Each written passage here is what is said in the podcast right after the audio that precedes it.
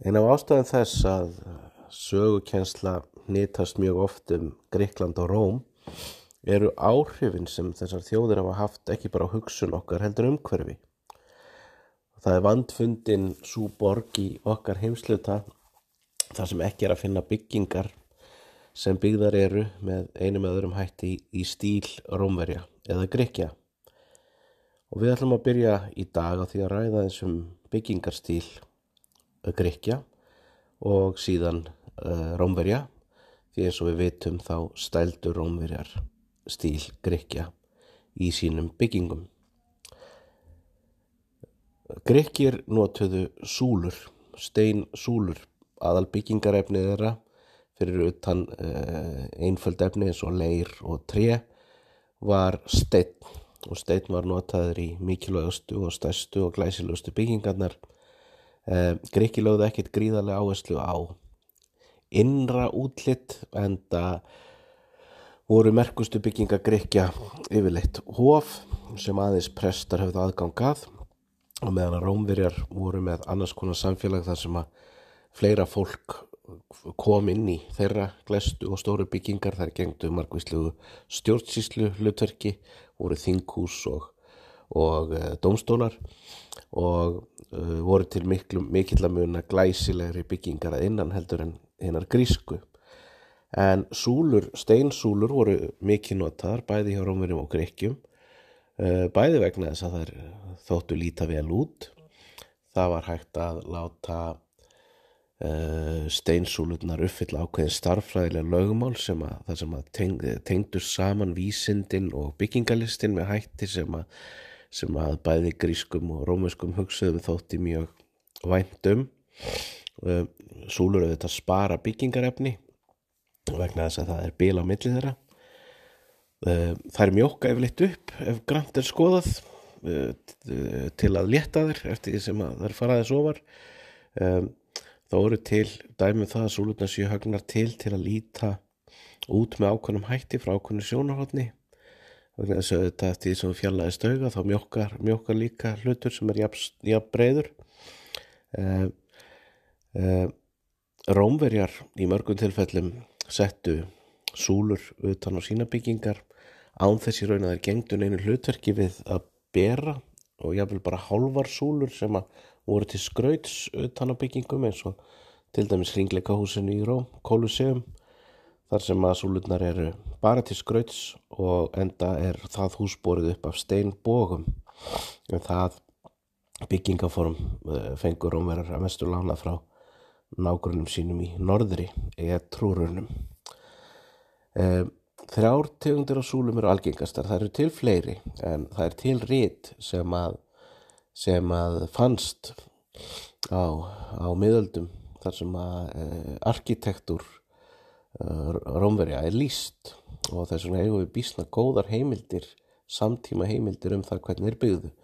Þrjártegundur á súlum voru algengastar. Svo fyrsta er eins einföld og hægtir, hún með flatan topp og stendur vild ekki að fæti, heldur byrja súlan bara niðri við golf og það er sá stíl kallast stóriskur stíl og við vitum að Grekir og Rómir að litu þannig á að það var eitthvað til svona karlmannlegur stíl að Dór, Dóriskar súlur myndu á líkama Karla sem að væri kannski ekkit rosalega fingerður en sterkbyður. Til aðgreininga því voru jónísku súlurnar sem algengar voru í Littlu Asíu, þar sem er nú er Tyrkland. Eh, þær hafa svona uh, mynstur á toppnum, þær standa yfirleitt á fæti og mynstriða með svona samkverft, þar segja tvær svona Eh, svona eins og lokkar eða snúðar og, og þótti það minna á konur og hár kvenna. Síðan er til kórendustýlin sem er munfloknari og á honum er, skrau, er svona skraut blöð eða blóm, áttastikki, ringin í kring og íburðar meiri skreiting heldur en jóniski stílinn. Það eru til fleiri stílar en við látum þessa döga og það eru byggingar víða um Róm sem að bera þessi enkenni. Í, á Kólusseum eins og áður segði eru svona súlur til skrauts og þar eru þær dórískar á neðstuhæðinni, svo koma jónískar súlur á, á annari hæðinni og eftir það koma tvær hæðir af, af kórindusúlum. Á Íslandi má finna súlur í þessum stíl meðal annars á fríkirkju vegi 11 við Reykjavíkutjörn þar sem að trésúlur, uh, jónískar trésúlur eru til skrauts utan á húsinu og er keift frá Danmerku þegar húsi var byggt og haft til skreitingar og við skoðum mynd af því í tímanum hvernig það lítur út. Eh, en það var ekki bara byggingalistin sem að, sem að eh, einkendi menningu Grekki og Rómerja það voru líka engar færir rítöfundar við höfum áður rætt um Hómer sem að þótti mesta skáld fornaldar en eitt mesta ljóðskáldið sem stundum hefur verið kallað hinn eh, Kvenkins Hómer var hún Saffó sem að bjó á eigu norðarlega í, í hafinu á milli Greiklands og, og uh, Tyrklands sem auðvitað tilherði þá eins og nú það er eigar flestar Greiklandi og hún bjóð þar á eigu sem hétt Lesbos. Og af nafni eigunar er dreigið hugtakið lesbía lesbía fyrir konu sem elskar aðrar konur. Og það er ekki tilviljun. Það er uh, vegna Saffó, skálkonunar Saffó sem orti mörg ljóð um ást sína á öðrum konum. Það var þannig að samkynnið þótti ekkert tiltökumál í Greiklandi, bara reyndi ekki uh, þó hann hafi uh, eflust verið litindaldi hornuga þegar um var að reyða konur. Það fór svona eftir valda, jafnvægi daldið, það var, það var Þetta voru aðalega karlar, vel stæðir og vel settir karlar sem máttu gyrnast og elska uh, yngri menn og ég vil drengi en ákveðna vísbendingar um að hátt settar konur hafi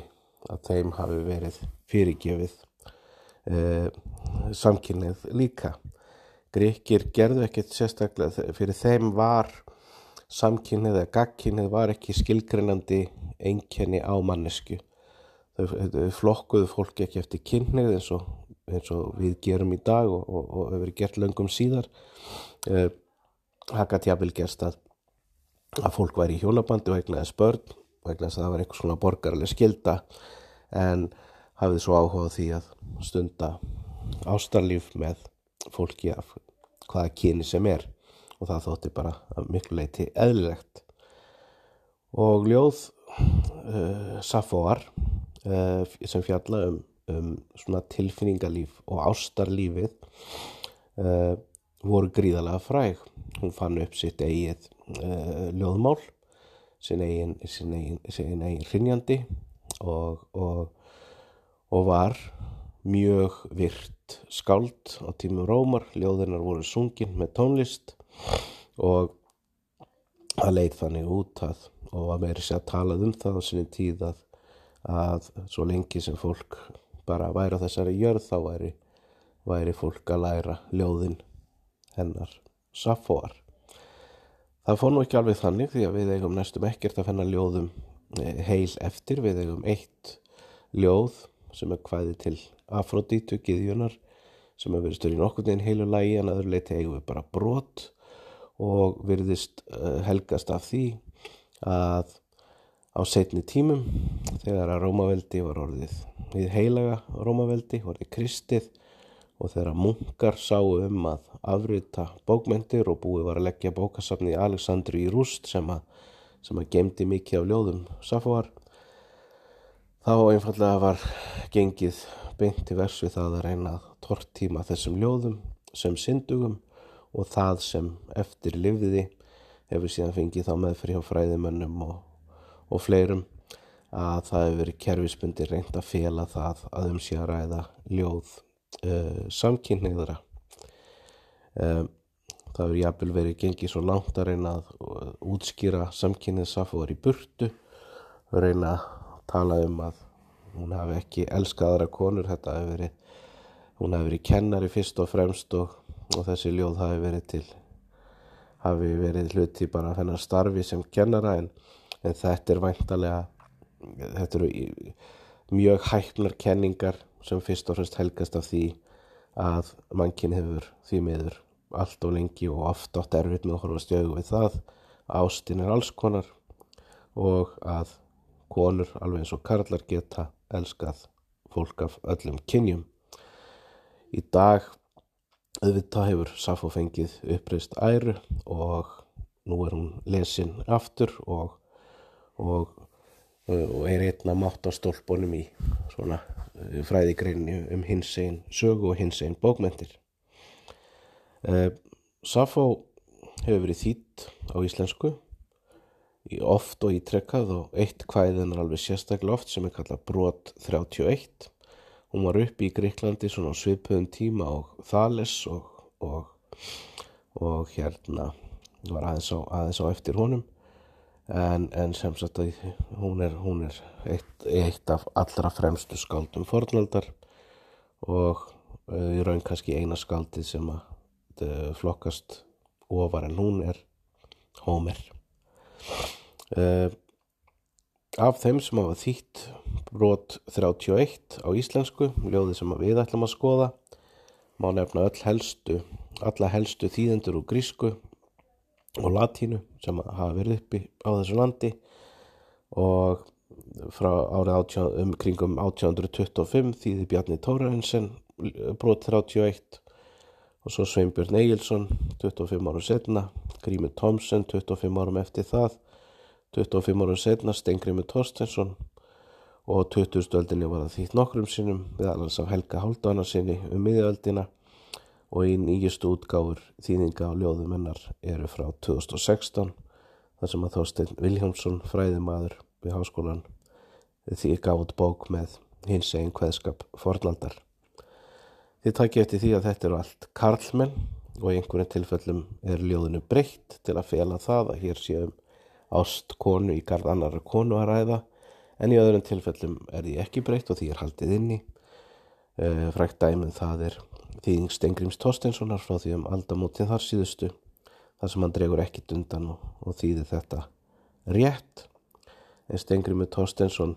átti dóttur sem sérna var ljósmyndari Uh, hún hefur eflust alist upp á bókmyndum uh, Safar og, og hún til dæmis egnaðist aldrei eiginmann heldur bjó með konu helt heimili með konu að öðrum ljósmyndara uh, stóran hluta æfisinnar þannig að það að eiga hins einn hvaðskap getur að skipt máli fyrir og skiptir að sjálfsögða máli og, og enn hefur hlotið þessu örlög á öllum tímum að framkjöfum fólk sem vil kæfa þetta og einhvern veginn reynsa þetta í burtu. Uh, við ætlum að skoða í stýningu Helga Haldánarssonar vegna þess að Helgi heldur sig við, uh, við hérna bragarháttin, hann notar sama bragarhátt og Safo notaði, hún fann hann upp og hann er, hann er kendur við hana. Og ljóðið í þýðingu Helga er svona. Góðum líkur þætti mér sá er sæti sælar stundir andspænist þér og gæti, hlustað á hver myllt þér af munni líður, málrómur þýður. Og þinn gleði hlátur sem löngum laðar, leinda þrá, svo hjarta mitt bærist hraðar, ef ég líti svip hvar þú fimmum fæti fetar um stræti. Fatast mér að mæla, ég stari í hljóði, mjúkur logi, flýgur mér ört í blóði, líkt og brimgni þungan ég þykist heyra þjóta við eira. Og ég titra svo sem ég kvíða kenni, kaldur þvali sprettur mér fram á enni, eins og strá ég fölna sem fram af stalli, fegðin mig kalli. Þetta er ekki all ljóðið, þetta er brot úr ljóðinu, það er setning þetta fyrir aftan sem er byrjun á, á nýju erindi sem er ofta sleft þegar ljóðið er þýtt í einhverju tilfellum er e, e, byrjur upphafin líka breytt þannig að í staðin fyrir að, að segja goðum líkur þætti með sá er sæti þá er sagt sú er sæti á mótið er en merking ljóðsins er sem sagt sú að Safo er að tala um konu sem hún er ástfóngin af uh, hún er öfundar uh, mannesku sem fær að sitja nálættinni og, og, og hlusta á fallegu röttininnar og hún lýsir því hvernig gleðiláturinn uh, kemur henni allir úr jafnvægi og hjarta fyrir að slá hraðar og, og blossar upp í henni blossa upp í henni tilfinningar. Hún lýsir því hvernig hún geti kemur ekki upp orði eða stari bara á hana þegar hún, þegar hún hittir hana. Veit ekki hvað hann á að segja tungan bara virkar ekki í mununum á henni og, og henni sortna fyrir augum og, og heyri bara svona dín fyrir eirunum og, og byrja bara að skjálfa og finnur hita í húðinni og svona eins og þessi eldur undir húðinni og hérna og fölnar og lítur út eins og sé bara við það að deyja. En Safo þetta er eitt af enginni á hvaðskap Safo að,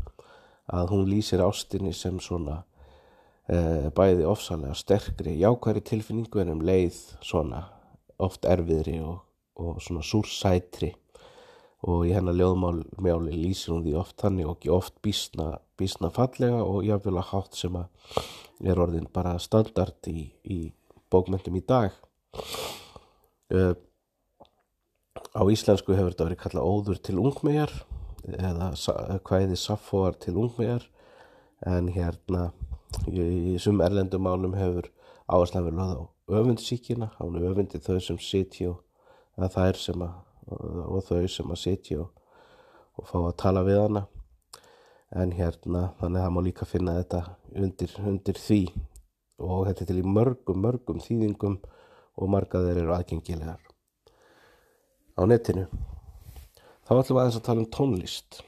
Við veitum að tónlist hefur fyllt manninum frá upphafi. Það eru til flautur sem hafa verið boraðar út úr beinum sem eru frá því fyrir um 40.000 árum, 30-50-40.000 árum sem er um það bils og sá tími þar sem að, þar sem að við vorum orðin einn eftir, eina mannategundin sem var eftir. Uh, þannig að tónlist hefur alltaf fyllt okkur, við hefum alltaf notið þess að búa til hljóð og takt. Og raunar kemur það óvart hversu mörg af þeim hljóðförum sem við notum í dag voru í einni annari mynd komið fram strax í fornöld á fyrstu öldum síðmenningarinnar þar að segja hins sögulega tíma þá í Mesopotamíu eða í Egiptalandi þið finnið ekki mörg hljóðfar í dag sem ekki voru uh, nánast orðin til á þeim tíma þó að þið hafa sjálfsögðu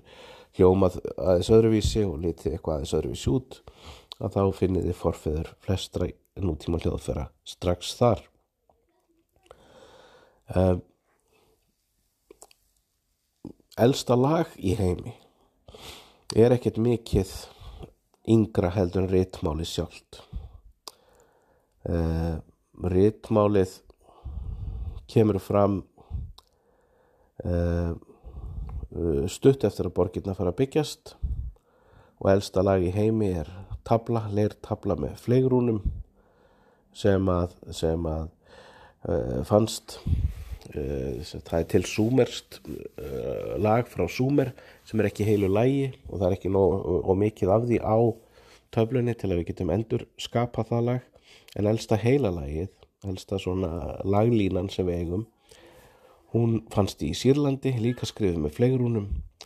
og og er frá þessum tíma þegar að samfélagin þarna hrundu eh, eftir atbyrðin sem var fyrir 4200 árum einhvers konar náttúruhanfarir urðu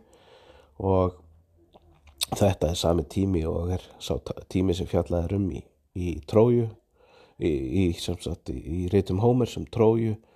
og biblíunni um fæðingu uh, gíðingdóms sem, sem sýtna var það kristni og, og íslam. Og hérna og við erum að tala um svona eh, tæmlega 1500 ár fyrir okkar tímatal. Uh, mörg hundru árum aðra en að Róm byggðist og, og, og áður en að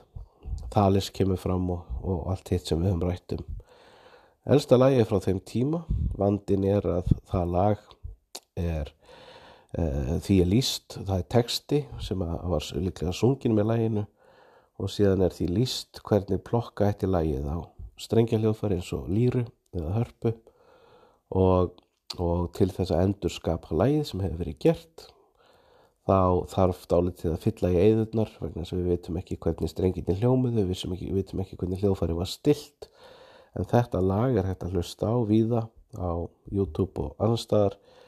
og þá getum við heyrt hvernig það var álítið hljóma. Fyrsta lag heila lag mannkísögunar það er sálmur til gyðju sem að kallast Hörjan himn eða, eða uh, sálmur Hörjan. Og, og það var sem sagt ættbólkur þarna sem að notaði fleirunni til að skrifa sem að um er að ræða